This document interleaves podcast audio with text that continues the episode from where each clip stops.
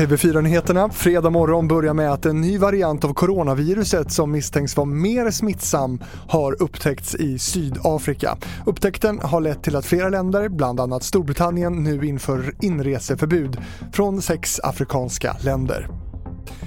Igår kväll inleddes eh, Sverigedemokraternas landsdagar i Karlstad och det är ett eh, stärkt parti efter budgetframgången i onsdags.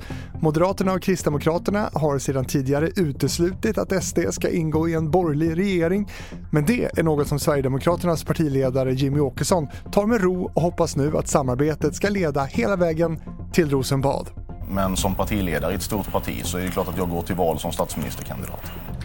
Den 1 december införs covidpass i Sverige men det är osäkert om den som har köpt biljett till en konsert eller ett evenemang inomhus och inte har covidpass kan få pengarna tillbaka.